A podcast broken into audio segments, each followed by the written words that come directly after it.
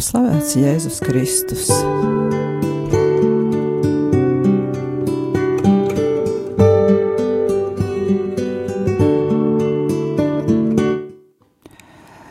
Lai top slavēts Jēzus Kristus, mīļie radio klausītāji, skan radio Marija Latvija, un ar jums kopā esmu es, Sandra Preisa, un raidījums vairāk tevis manī. Tātad eh, šodien turpināsim pārdomas, kuras ir man raisusi konference Budapeštā. To es jau jums esmu teikusi arī iepriekšējos redzījumos, ka šī konference bija ārkārtīgi plaša un radīja daudz pārdomu, un, protams, kā tur tika pārunāti ļoti aktuāli jautājumi, un es arī vēlētos ar jums padalīties tajā visā, ko es tur iegūju, un arī šajās pārdomās, kuras konference raisīja. Bet eh, šie raidījumi ne šodien, ne arī nākamie nebūs tāds īsts konferences atstāstījums, atreferējums, bet drīzāk šīs konferences zināmā mērā pat piepildījums, jo tur, jo tā tika rīkota kā līdzeklis, lai definētu galvenos jautājumus, ar kuriem sastopas kristieši mūsdienās, un lai dažādu valstu un konfesiju kristieši satiktos, veidot savstarpējas pazīšanās un saites, un arī tālāk pēc tam jau savās mājās paplašināt to cilvēku loku, ar kuriem katrs no mums ir eh, kontaktā, un arī dalītos eh, tajā, ko esam ieguvuši. Eh, Mēs zinām, ka Kristus aicinājums vienmēr ir bijis saistīts ar vienību, ar apvienošanos, ar rūpēm par kopīgo labumu, bet neaizmirstot arī katras vienas personas cieņu un labumu. Kristiešu kopiena neveidojas kā masa, kā pūlis, bet tai vismaz vajadzētu būt organizētai sabiedrībai, kurā neviens nav atstumts un tiek respektēta cieņa, kura ir dota no dieva katram cilvēkam caur radīšanu, pēc dieva līdzības un apliecināta caur Kristu, caur viņa iemiesošanos, caur dieva dēla iemiesošanos. Es uh, saku, vajadzētu būt, jo tas ir modelis, ko Dievs no mums sagaida, bet mēs labi zinām, ka nevienmēr uh, tā notiek realitātē, neskatoties pat uz mūsu labo gribu. Ir daudz lietu, kuras vajadzētu pārunāt un pārdomāt, lai tuvotos šim kristīgās kopienas un kristīgās kultūras ideālam. Man šo materiālu un tādu ļoti interesantu lietu, ar ko es vēlētos dalīties, ir tik daudz, eh, ka man pat ir grūti saplānot raidījumus, jo eh, gribas runāt par visu uzreiz, jo liekas, nu, ir grūti izšķirt svarīgāko, tāpēc, ka viss, viss ir svarīgs. Un tas ir arī, man liekas, interesants un domas rosinošs. Un arī uh, man ir lūgums neaprobežoties ar to informāciju, kur es sniedzu, jo uh, esmu jau daudzreiz teikusi un vēlreiz atgādinu, es savu uzdevumu šeit radio redzu tikai kā iekustinātāju, ka es esmu kā iekustinātājs, kā tāds animators, kā, kā provokators varbūt, lai uzvedinātu jūs vairāk meklēt kaut ko par savu ticību, par kristīgo dzīvi, lai uh, jūs varētu kaut kā kaut ko sadzirdēt, varbūt citiem vārdiem, nekā jūs parasti to sakāt vai esat dzirdējuši, un lai tas viss iekustinātu jūs uz arvien tādu ciešāku došanos pretī Dievam, ar ciešā, uz ciešāku savienību ar Dievu. Un nevelti arī redzījums, redzījuma nosaukums ir vairāk tevis manī, tātad šis te vēlamais mērķis katram no mums, un uz kuru arī es cenšos patiet un palīdzēt, mēģinu palīdzēt arī jums, tā tad iet uz to, lai Dievs mūs piepilda arvien vairāk un vairāk, un lai šī te Dieva līdzība, par kuru runāju, ja, kas, ko, kas mums jau ir no radīšanas dota, arvien vairāk un vairāk piepildītos. Tā nu šodien es pieskāršos, jā, tiešām tikai pieskaršos divām tēmām. Pirmā tagad pavisam īsi - kristiešu vajāšanas, Un otro tēmu es izvērsīšu nedaudz plašāk, un to varētu nosacīt dēvēt tukšās baznīcas. Eh, jo mēs visi zinām, ka nereti eh, mēs eh, redzam gan savu draugu baznīcas tādas pustukšas, gan arī zinām, ka šur tur citur notiek tādas lietas.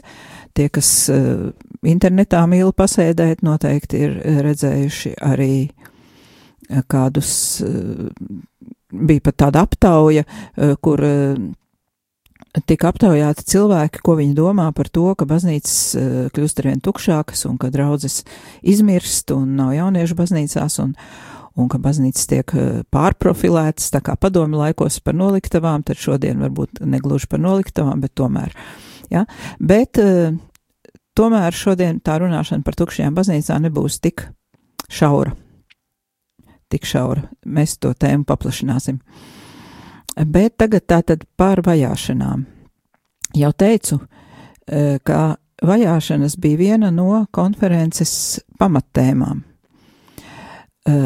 Bet divus mēnešus vēlāk, turpat Budapeštā, novembrī, notika vēl viena konference, kura bija pilnībā veltīta vajāšana tēmai. Nu, tajā konferencē es pati nepiedalījos.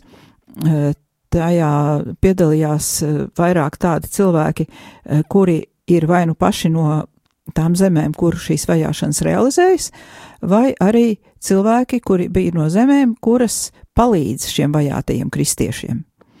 Un tad savukārt tur tika pārunātas tēmas tikai par kristiešu vajāšanām. Uh, tajā konferencē, kurā es biju Budapeštā, man izdevās iepazīties ar interesantiem cilvēkiem no dažādām citām valstīm, kā jau teicu. Es iepazinos ar priesteri no Nigērijas, ar priesteri no Ganas, ar priesteri no Pakistānas, ar bīskapu no Indijas. Uh, Un ar šo Pakistānas priesteri un arī ar Indijas bīskapu man palika tādi tā kā ciešāki sakari, un mēs pa laikam sarakstamies. Un Pakistānas eh, priesteris mēs ar viņu sarunājām, ka viņš man sūtīs aktualitātes no Pakistānas, lai es varētu atsaukties uz konkrētiem faktiem, eh, ja jārunā par vajāšanām, nevis uz kaut ko, kaut kur dzirdētu vai nescik reižu pārstāstītu, eh, kur jau ir pazudušas gan eh, ziņas izcelsme, saknes, gan konteksts un tad mēs varam viegli kļūdīties un kaut ko stāstīt un paši būt pārliecināti, ka jā, jā, tas tā notiek, bet īstenībā uh, tur ir puse jau piefantazēta klāt. Un, lai tā nebūtu, tā, tad mēs vienojamies ar šo priesteri, kuru sauc Zaivs Džordžs, un viņš man regulāri sūta ziņas, eh, kuras uh, es lēnām apkopoju un varēšu izveidot vēlāk kādu raidījumu tieši pār Pakistānu. Eh, konferencē vajāšanu sakarā tieši tika piekodināts atsaukties tikai uz ticamiem avotiem, jo, ja mēs sāksim atsaukties uz kaut kādām fantāzijām, tad gluži vienkārši eh, pienāks tāds brīdis, kā neviens mums vairs neticēs un teiks, nu ko, nu tie kristieši tur fantazē, nu rekā toreiz, tā, toreiz viens tur fantazēja, tagad reku nākamais tur vēl fantazēja, nu gan jau arī šitā nav patiesība. Un tādā veidā mēs varam vienkārši, mm, nu, pazaudēt ticamību tam, ko mēs runājam. Tādēļ avotiem ir jābūt ļoti tādiem īstiem, ticamiem. Un tātad ticamākie avoti ir vai nu ziņas tieši no konkrētiem cilvēkiem, kas ir iesaistīti kaut kādos notikumos, uh, liecības, varētu teikt, vai arī sekošana dažādiem izpētes centru ziņojumiem. E, ticamākie un e, tādi pamatīgākie pētījumi tiek veikti Amerikas Savienotajās valstīs un Ungārijā. Patiesībā nevis šajās valstīs, bet šo valstu pētnieki dzīvo misijās tajās zemēs, kur notiek šīs vajāšanas, vāc uh, informāciju, dalās pēc tam, ves, tur ir vesela informācijas sistēma, uh, izveidota šīm abām valstīm, Amerikai un Ungārijai, un viņi apkopo tātad visus datus, uh, maksimāli precīzus datus, de, pat detaļās precīzus par visām vajāšanām, kuras pasaulē notiek. Un katru gadu tiek publicēta jauna atskaita, nu, tā atskaita ir tāda kāda 5 cm bieza grāmata, tā A4 formātā vai mazliet mazāka. Tā tad, nu, nopietns pētījums, ja. Un tā tad arī no kādas uh, ASV pētījuma daļas uh, tika veidots raksts uh, vienā amerikāņu medijā, katoļu ziņu servisā. Uh, šis raksts tika publicēts 17. janvārī, bet atsauce bija uz Vašingtonā izdoto šo atskaiti par vajāšanām, un tā atskaita bija no 15. janvāra. Un tā tad no šīs atskaites varam uzzināt, ka pasaulē šobrīd no fiziskām vajāšanām cieši apmēram 260 miljoni kristiešu. Un salīdzinājumā ar pagājušo gadu vajāto kristiešu skaits ir audzis par 6%. Eh, visbīstamākā kristiešiem šobrīd, atsaucieties uz šo pētījumu, ir Ziemeļkoreja. Eh, bet top 10 valstis, kā, nu, kā amerikāņiem viss ir top 10 vai ne, Tātad top 10 bīstamākās valstis tālākais Ziemeļkorejas, Afganistāna, Somālija, Lībija, Pakistāna, Eritreja, Sudāna, Jemena, Irāna un Indija. Noteikti esam dzirdējuši kaut ko ziņās par šīm te valstīm vai lasījuši, nu, mūsu ziņās īpaši daudz par to nerunā. Uh, Tātad mēs redzam, ka tās visas ir misiju valstis, kuras nekad nav bijušas kristīgas savos pirmsākumos, bet kristīgā ticība tur ir dažādu citu valstu kristīgo misiju auglis. Mums var likties, ka mēs esam gana tālu un ka mūs eh, šīs vajāšanas neapdraud, taču nebūsim pārsteidzīgi savos spriedumos. Sāksim ar to, ka mēs zinām Sīrijas bēgļu problēmu, Sīrija šajā sarakstā šobrīd nav, tāpēc, ka tur visi kristieši vienkārši jau ir aizbēguši. No 14% kristiešu tur ir palikuši kādi 3 vai 4% tikai no valsts, valsts sastāvā. Tātad bija 14% šai valstī kristieši, un šobrīd tur ir 3 vai 4. Ja?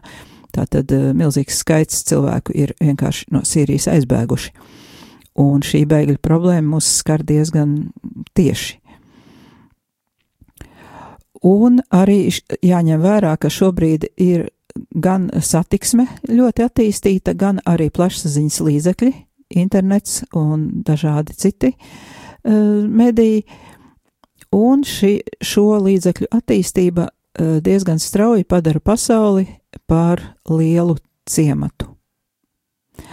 Un atcerēsimies, ka ir vairāki vajāšana veidi. Konkrēti varam izdalīt divus galvenos. Tātad fiziskās vajāšanas, par kurām tikko pieminēju, un par kurām mēs dzirdam biežāk un kuras arī ir labāk saprotamas, bet ir arī tās augtās ikdienišķās vajāšanas, ar kurām vairāk saskaras kristieši Eiropā, ASV un citās kristīgajās zemēs.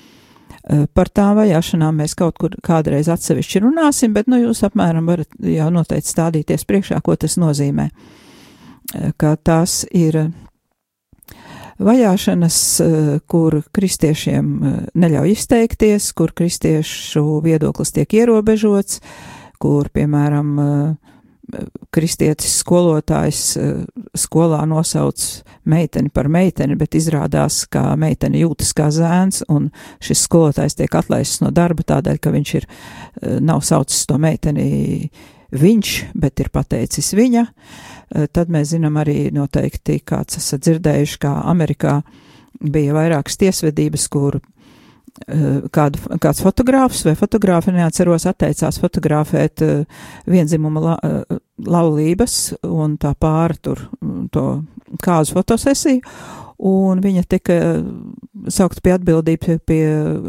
tiesāta, un tāpat tika tiesāts kāds laulāts pāris, kuri vada nelielu kafēnīcu un kur arī bija pasūtīta kāza torta vienzimuma pārim, nu, viņi bija vēlējušies attiecīgs dekors, lai uz tās tortas uzliek, un tie cilvēki, kristieši būdami, bija pateikuši, ka, nu, vienkārši palūguši, lai viņi griežas citā vietā ar savu pasūtījumu, ka viņi netaisīs, un viņi tiesājās vairākus gadus.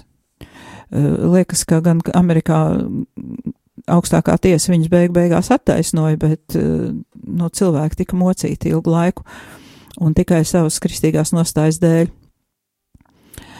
Tā kā tās tad arī ir tās nu, nosacīti ikdienišķās vajāšanas, jā, bet, nu, nemaz nav viņas tik vienklā, vienkāršas, vieglas, un diez vai mēs vēlētos savu ikdienu tādu.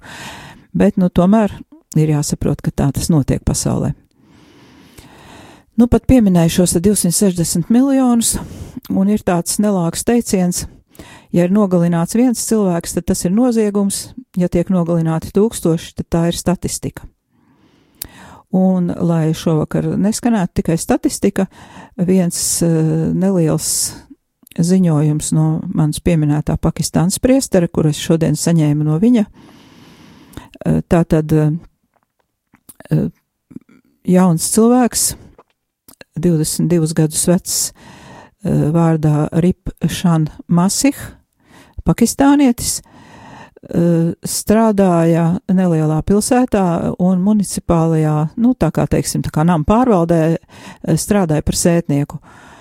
Eh, un viņš, viņš nepārtraukti savā darba vietā saņēma tādu mobbingu, kā mūsdienās saka, jā, mobbingu vai bulingu, tagad ir tie jaunie nosaukumi, tātad tādus mentālus uzbrukumus sakarā ar viņa ticību. Viņš tika pazemots uh, viņa ticības dēļ, un viņam arī netika maksāta alga, tika aizturēta alga. Un uh, viņš cīnījās uh, par atalgojumu saņemšanu, jo nu, cilvēks taču strādā, viņam ir vajadzīga nauda, lai izdzīvotu. Un uh, viņš tika novests līdz tādam nervu sabrukumam, ka viņš uh, aplējās ar degšķidrumu un pats sev aizdedzināja un šie apdegumi izrādījās eh, nesavienojumi ar dzīvību, un viņš šo apdegumu dēļ slimnīcā nomira. Un Pakistānā kristieši, neteiksim tā tieši, ka kristieši tiek uzskatīti par otrās šķirs cilvēkiem, bet uh, kristīgajai ticībai arī vairāk pievēršas cilvēki no tā saucamajām zemākajām kastām. Cilvēki, kuri sabiedrībā jau tāpat tiek pazemoti, bet viņi, eh, kā jau mēs zinām, ka Kristus ir nācis pie mazajiem, pie pazemotajiem, pie nelaimīgajiem, viņi ir atraduši Kristu eh, savu identitāti, savu pamatu. Viņi ir ļoti, ļoti ticīgi, ļoti praktizējoši. Un tā tad pie visa tā, ka viņi pieder kādai zemākai kastai, Viņi vēl ir arī kristieši, tātad atšķirīgi no vietējās sabiedrības, un viņi tiek vajāti un ļoti pazemoti. Un tādēļ arī priesteris uh, Zaifs lūdza aizlūgt par uh, šā cilvēka dvēseli un vispār lūgties par cilvēkiem, kuri Pakistānā tiek vajāti. Kā jau teicu, kādreiz es pastāstīšu par to sīkāk, es tagad krāju materiālus. Bet tagad tātad palūksimies, palūksimies arī par Austrāliju un visām citām vietām un cilvēkiem, kuri cieš no dabas un arī cilvēku izraisītām katastrofām, un arī par vajātajiem Dieva tēva un dēla un svētā gara vārdā Āmen. Mūžīgais tēvs, mēs tevi lūdzam, dāvā labvēlīgus laika apstākļus un pietiekam palīdzību tiem, kuri cieši no ugunsgrēkiem Austrālijā, tiem, kuri zaudējuši savējos un visu savu īpašumu zemestrīcēs, kas notika šā gada janvārī Turcijā, Aļaskā, Kalifornijā, Kanādā un Puerto-Riko, un sārgi savus bērnus, kuri tiek vajāti tikai savu domu un uzskatu dēļ, jo ir ieticējuši un vēlas sekot tavās pēdās. Dāvā viņiem spēku izturēt un atvieglo viņu ciešanas un vadi uz arvien lielāku vienību ar tevi, ar svēto trīsvienīgo Dievu.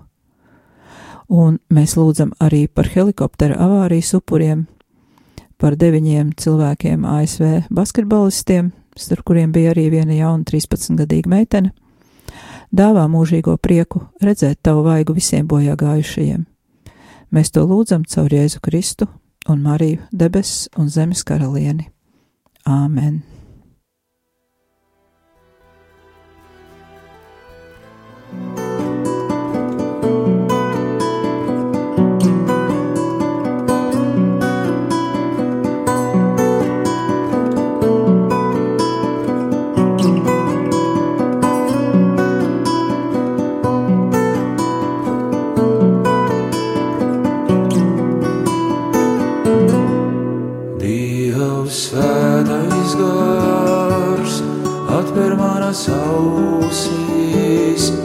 Es varu dzirdēt tavu vēstī.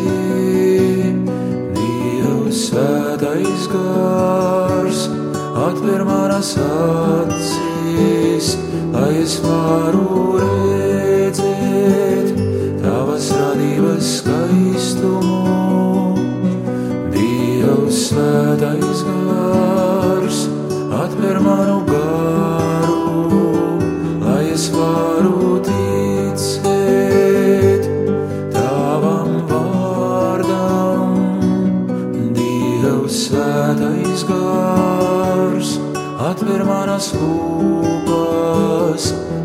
lai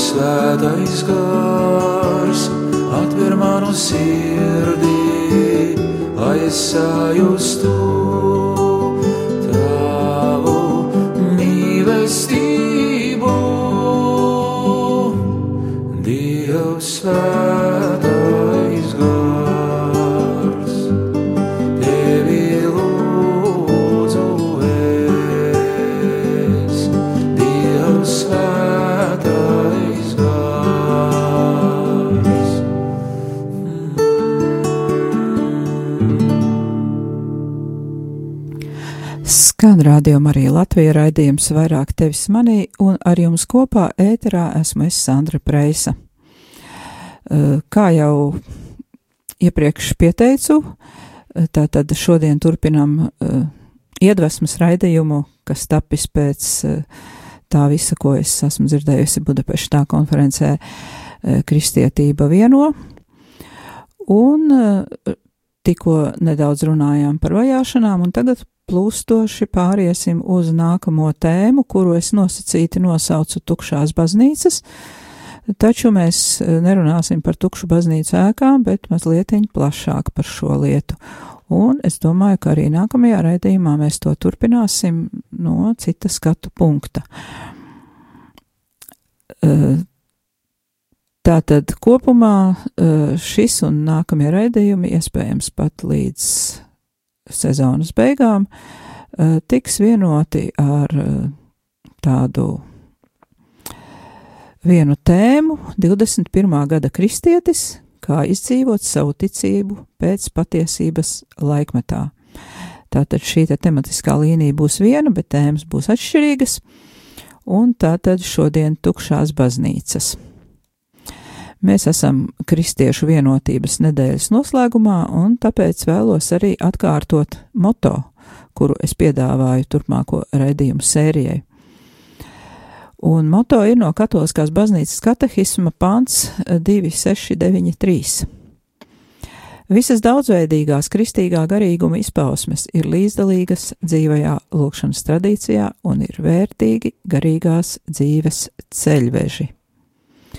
Un atcerēsimies arī, ka otrais Vatikāna koncils uh, ļoti lielu uzmanību pievērsa tam, ka kristo, kristiešiem ir jābūt savstarpēji vienotiem, bet tāpat laikā mēs arī zinām, ka tas nemaz mums tik viegli neiznāk. Mēs gan varam satikties pie pusdienām un lūkšanu vakariņās vai kādos lielos pasākumos un kopā lūgties, uh, taču īsti vienoties mēs vēl neesam gatavi.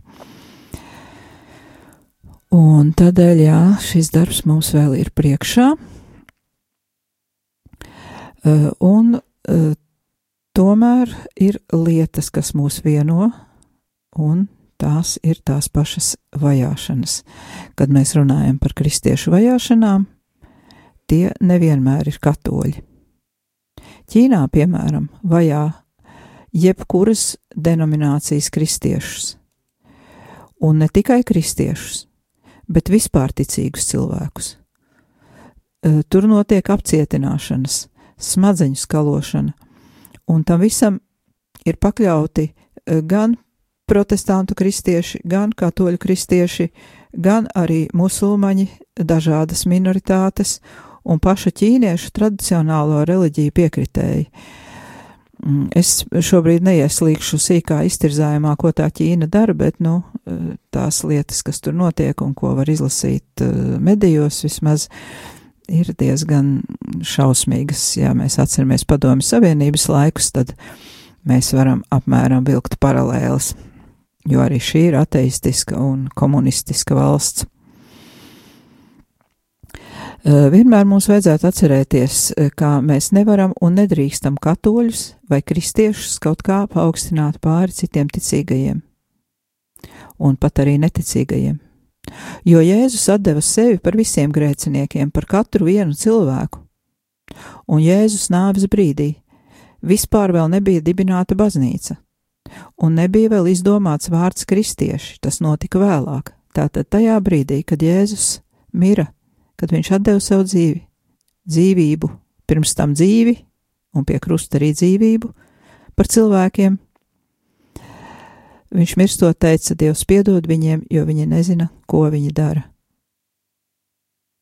Un tas ir arī vadmotīvs mums, kā izturēties pret cilvēkiem, kuri nav vēl Kristu atraduši.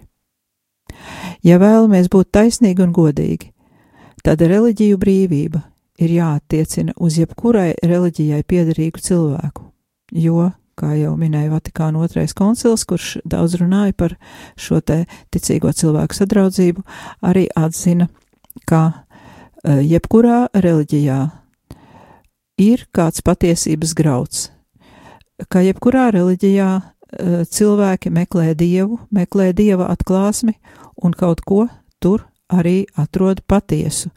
Mēs nevaram tiesāt nevienu. Uh, jā, mēs varam varbūt priecāties par to, kā kristietībā mēs ticam, ka Kristus ir uh, dzīvā Dieva attēls, ka viņš ir iemiesojies, dzīvojis mūsu vidū, un ka šī atklāsme ir tik pilnīga, cik vien cilvēks ir spējīgs vispār saprast un apjēgt. Nu, es gan arī nezinu, vai mēs esam spējīgi apjēgt Kristu, lai gan viņš bija īsts cilvēks un dzīvoja starp mums. Uh, Tā tad mēs varam ticēt, ka, ka tā atklāsme, ko esam saņēmuši, ir vispilnīgākā, vislabākā. Tā arī baznīca to atzīst, bet mēs nekādā gadījumā nedrīkstētu tiesāt cilvēkus, kuri vēl nav Kristu atraduši un pieņēmuši. Un e, tā tad reliģija brīvība attiecas uz jebkuru cilvēku, kurš ir izvēlējies piederēt kādai ticībai, un kurš ir izvēlējies arī nepiedarīt, nepie, nepiederēt nevienai ticībai, jo tiesnesis, vienīgais tiesnesis ir Dievs. Protams, ka tas mūsu kristiešus neatbrīvo no Jēzus pavēles ejiet un sludiniet visām tautām. Mums ir jāspēj pasniegt roka katram, kurš meklē un jautā, katram labas gribas cilvēkam. Mums ir jālūdz par tiem, kuriem labās gribas nav, kuri varbūt cīnās pret kristiešiem. Un brīnišķīgs sludināšanas veids Daudz labāks par vārdiem ir mūsu darbi, uz ko mūs nemitīgi aicina pāvests, mēs to arī dzirdam visās pāvestu uzrunās - žēlsirdība, mīlestība, rokas pasniegšana, nešķirojot cilvēkus. Pāvests pats lieldienās iet mazgāt kājas uz cietumiem, uz patversmēm, Viņš mazgā kājas sievietēm, vīriešiem, bērniem, meitenēm, zēniem, noziedzniekiem, jo tā ir tāda sludināšana, kura skar sirdi. Ar vārdiem mēs varam otru cilvēku ievainot, ar labiem darbiem mēs nevaram ievainot, un tādēļ atcerēsimies, ka tas ir brīnišķīgs sludināšanas veids, kā mēs varam nest Kristu tiem, kas viņu nepazīst, nevis tiesāt. Bet runājot par reliģiju brīvību, ir jāsaprot, ka tā ietver sevī nevien brīvību publiski atzīt un praktizēt savu ticību, bet arī cienīt un pieņemt otra cilvēka izvēli. Un pats galvenais reliģiju brīvības mērķis, kurš gan atkal ir šis ideālais mērķis, ko mēs noteikti pasaulē redzam, ka tā īsti nenotiek, sadzīvot mierīgi blakus un nenaidoties savā starpā. Tā ir patiesā brīvība, savstarpēja cieņa un respekts. Par to gan ir viegli runāt, bet grūti sasniegt. To mēs visi zinām, vai ne? Es nesen skatījos kādu Amerikas balss raidījumu Krievu valodā, jo atcerieties noteikti no vēl padomu laikiem, ka bija tāds slepenais raidījums, ko varēja vakaros klusiņām klausīties tādu knapi sadzirdamu par radioaparātiem, saucās Amerikas balss. No Amerikas balss redakcija nav mirusi, un Amerikas balss vēl joprojām taisa raidījums, un taisa viņus dažādās valodās, un uh, es noskatījos vienu raidījumu Krievu valodā, video raidījumu, un tur uh, ļoti skaistu liecību deva kāda ebrejas tautības sieviete, kura ir pārcēlusies dzīvot uz Ameriku uh, no Krievijas, jau ilgus gadus tur dzīvo, ja nemaldos 25. Un viņa stāstīja, ka viņa aizgājusi ar mazbērnu uz pirmo klasīti, uz skolu. Un pirmajā klasītē notiek iepazīšanās, pirmā stunda, audzināšanas stunda tāda, un klasītē sēž bērni, un aizmugurē sēž vecāki. Nu, kā viņa teica, zili, zaļi, rūtaini, ja? Visi tādas tautības, e, jauktas tautības, rases, dažādas izcelsmes, bet viņi visi ir amerikāņi, viņi visi ir Amerikā atbraukuši, citi piedzimuši, citi tagad pārcēlušies, un viņu bērni tagad sākiet pirmajā klasē. Un skolotāji tagad iepazīstina klasi, piecēl kādu bērniņu kājās un saka, nu, kā tevi sauc? Viņš pasaka tur savu vārdiņu. Un kādus svētkus tu svini? Nu, viņš saka, es svinu Ramadanu, un Ramadanā mēs neko neēdam, un Ramadanā tad mēs ziedojam visu ko trūcīgiem cilvēkiem. Tad viņi pieceļ otru bērniņu augšā.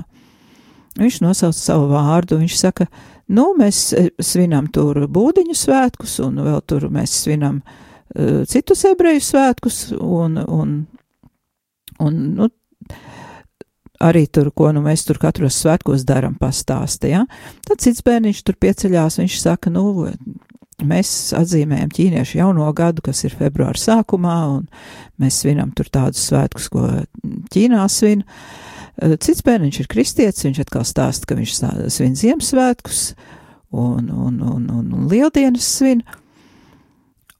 Un tagad skolotājs saka, jā, brīnišķīgi, ka jūs Eh, visi tā varat dalīties, un ka jums ir katram savi svētki, ko svinēt, bet pāri tam visam mēs esam amerikāņi.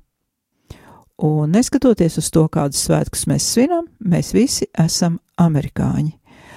Un eh, tas ir tas, kas mūs vieno, un mēs eh, varam palikt katrs savā kultūrā, svinēt tos svētkus, kas mums ir tuvi, un tai pašā laikā mēs varam būt vienoti.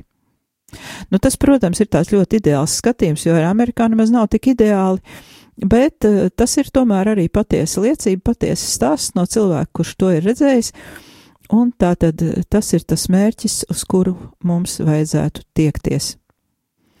Savstarpēja sadzīvošana, savstarpēja cieņa, savstarpējs respekts, jo, ja mēs skatāmies uz vērtībām, tad patiesi ticīgiem cilvēkiem, neskatoties uz viņu reliģiju, Eh, galvenās vērtības ir ļoti līdzīgas, tātad mēs varam sas, sa, saskarsmes punktus atrast noteikti, ar citām reliģijām, un mums nav par varītēm varmācīgi kaut kā jā, jāpiesauc šie cilvēki, kaut kā jāieaicina kristietībā, ja viņus interesē, tad mums ir jāsludina, bet nedrīkstam kļūt varmācīgi, un tā tad šis ir tas modelis. Uh, bet uh, ir vēl viens bet. Mēs labi zinām, ka mēs pat katoļi savā starpā dažreiz plēšamies, bet par to mēs parunāsim jau mazlietiņ uh, vēlāk pēc muzikālās pauzītes. dziļākā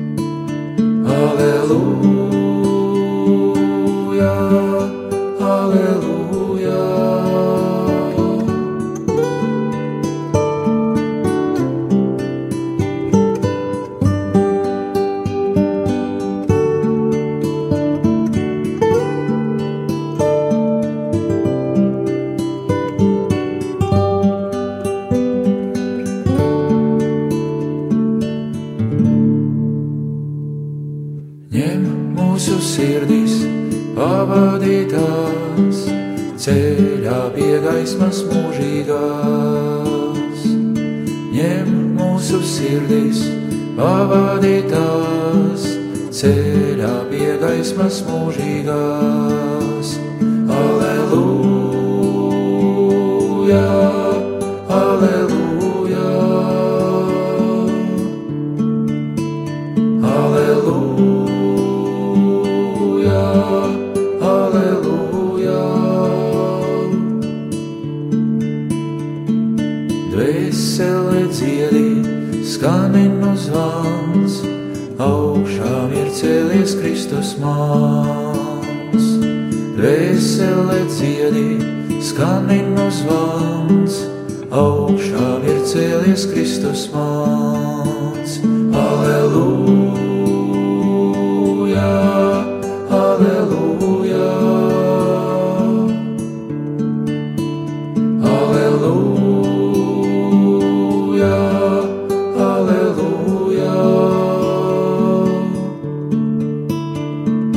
Dvēsele dziedi, skaninu zvans, augšām ir cēlies Kristus māns. Dvēsele dziedi, skaninu zvans, augšām ir cēlies Kristus māns.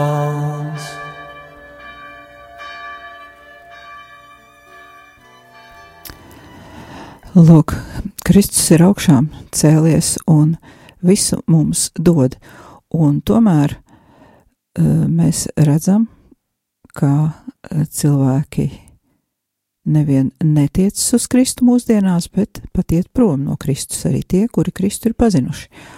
Un tā tad, nu, turpināsim par tām tukšajām baznīcām.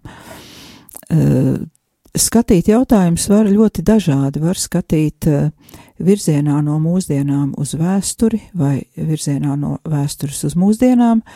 Tāpat var skatīt jautājumus arī no atsevišķām lietiņām virzoties tā kā uz kopējo vai no kopējā uz atsevišķo.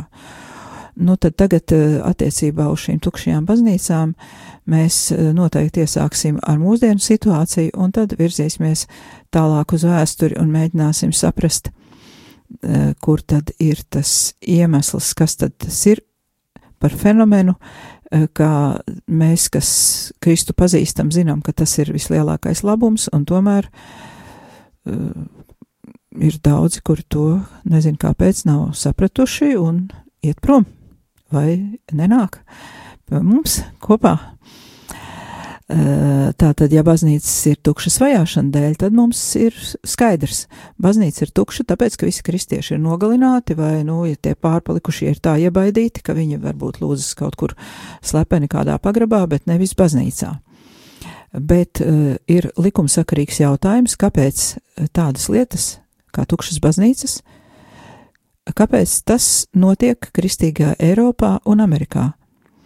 Eh, un arī, diemžēl, tagad jau arī pie mums, jo pie mums bija tā tendence, kad Latvija atbrīvojās, ka visas baznīcas bija stāv grūdām pilnas un, un cilvēki tiecās pie Kristus un bija tā kā badā pēc šīs garīgās maizes. Bet šobrīd mēs redzam arī pie mums Latvijā tādu kritumu. Eh, baznīcas kļūst arvien tukšākas, cilvēki noveco, redzam daudz sirmu galvu, eh, vecākie cilvēki nomirst, jaunie klāt nenāk pietiekamā skaitā, un uh, Eiropā un Amerikā ir šobrīd tādas situācijas jau ļoti daudzas, ka draudzes kļūst tik mazas, ka vairs nav spējīgas finansiāli uzturēt savas baznīcas.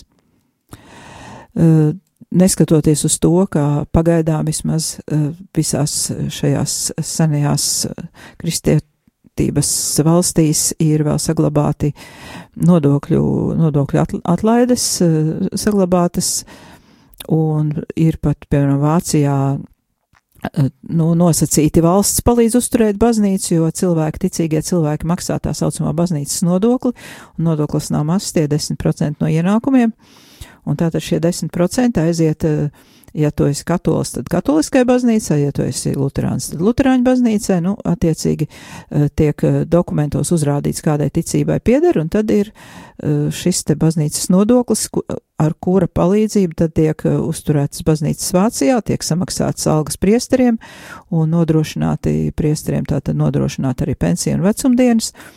Un tāpat arī baznīcas kalpotājiem, kas ir um, algoti darbinieki, kas dara kaut kādus pienākumus. Un neskatoties uz to, uh, naudas kļūst arvien mazāk, jo arī Vācijā, piemēram, ir tendence, ka cilvēki uh, vairs uh, nevēlas uzrādīt savu piedarību katoļu baznīcai vai luterāņu baznīcai un nemaksā vairs šo nodokli tādēļ, ka viņi ir baznīcā vīlušies. Rezultāts ir tāds, ka baznīcas tiek desakralizētas un pārbūvētas par izstāžu zālēm, krogiem, klubiem vai modernām ekstravagantām dzīvojamām mājām. Es te pirms dažiem gadiem biju Itālijā, klīdu pa Boloņu un fotografēju šīs te baznīcas, un man pilnīgi bija asars acīs. Labākajā gadījumā tā baznīca vienkārši lēnā garā iet postā, brūk nost, un durvis viņai ir aizslēgtas, bet uh, redzēju baznīcas, kurās ir uzbūvēti krogi, klubi, kur uh, spīd visādas neona gaismas, mirkšķinās gaismiņas diskotēka un klubi un dejoja. Un, nu, nu, teikšu tā, man faktiski palika pat fiziski slikti to redzot. Nevis tādēļ, ka es varbūt esmu tāda puritāna, ka es nevaru ciest tur moderno muziku vai klubu, bet ja tā ir sena baznīca būvēta kādā, nezinu, uh, 14., 15., 16., vienalga kādā gadsimtā, ja viņai ir senās baznīcas arhitektūras formas, viņā vēl ir saglabātas vitrāžas logos un iekšā tur ir kroks, nu, ir sāpīgi tādas lietas redzēt. Un tāpat tiem, kas varbūt internetā vairāk dzīvojas, Noteikti esat redzējuši, kā ir nofilmēts, kā ar buldozeriem tiek ārdītas nost uh, senas, uh, seni arhitektūras šedevri 13., 14., 15. gadsimtā celtas baznīcas Vācijā un Francijā, jo nav neviena, kas šīs ēkas varētu uzturēt. Kādreiz līdzīga desakralizācija notika Padomju Savienībā, taču tā bija varmācīga, cilvēki tika dzīti ārā no baznīc, baznīcām, tā bija mērķtiecīga un atklāta komunistu partijas politika.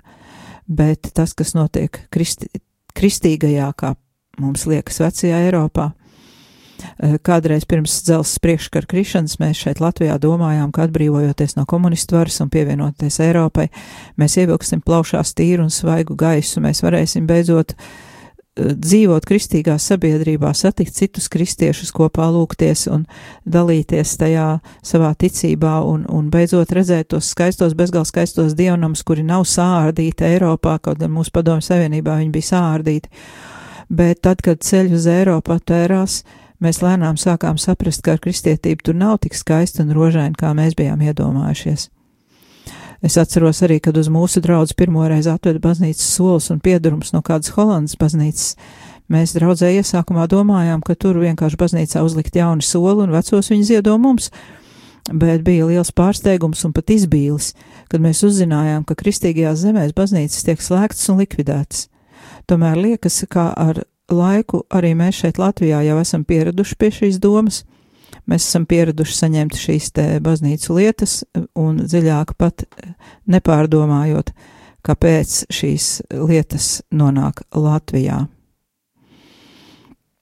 Un arī šajā situācijā, līdzīgi kā runājot par vajāšanām, mums var būt tāds kārdinājums. Mēs varam iedomāties, ka pie mums Latvijā taču viss ir labi. Notiek svētceļojumi uz Aglonu, noteikti daudz gājāt vai vismaz sekojāt līdz radiom arī svētceļojumam, lūdzāties kopā. Notiek svētceļojumi ar autobusu uz citām svētvietām Latvijā un Lietuvā un Polijā un, un, un simtgades svētceļojums notika un pilni autobusi brauc uz Medžugorju un uz, uz Svēto zemi. Un kur tad ir problēma latviešiem? Kāpēc tad mums būtu jāsatraucas par tālo Eiropu un vēl tālāko Ameriku? Taču šāds domāšanas veids ir ļoti tūredzīgs, un es gribētu aicināt uh, no šā kārdinājuma ļoti turēties pa gabalu. Es negribu apgalvot, ka visi, kas mani klausās, domā šādā veidā. Es ticu, ka nē. Es ticu, ka jūs esat stipri un ka jūs domājat līdzi, sekojat līdzi, un jums ir savs viedoklis. Eh, tā kā eh, drīzāk es gribētu vienkārši brīdināt no riskiem iekrist šāda veida domāšanā, jo, kā jau minēju, eh, visa pasaule kļūst par lielu ciematu, un nekas nav tāds, kas agri vai vēlu nesāks attiekties arī uz mums. Tā, tā kā tēmu mēs turpināsim nākamajā reizē, tad pie šā es arī apstāšos un uh, atvadīšos no jums līdz nākamajai reizei. Tātad atgādinu, šis bija raidījums vairāk tevis manī. Ar jums kopā bija es, Sandra Preisa, un mēs iesākām šodien runāt par tukšajām baznīcām, un tēmu turpināsim, kamēr izrunāsim. Gaidu arī jūsu atsauksmes, gaidu arī jūsu ziņas, vēstules, īziņas, e-pastus, Facebook ziņojumus. Iepriekšējos raidījumos jau teicu adreses. Ceru, ka atceraties, raidījums iet uz beigām, tagad neatkārtošos vairs, tātad gaidu jūsu atsauksmes, gaidu arī jūsu liecības par šo tēmu, jo ticu, ka jums arī ir savs viedoklis un ir ko pateikt.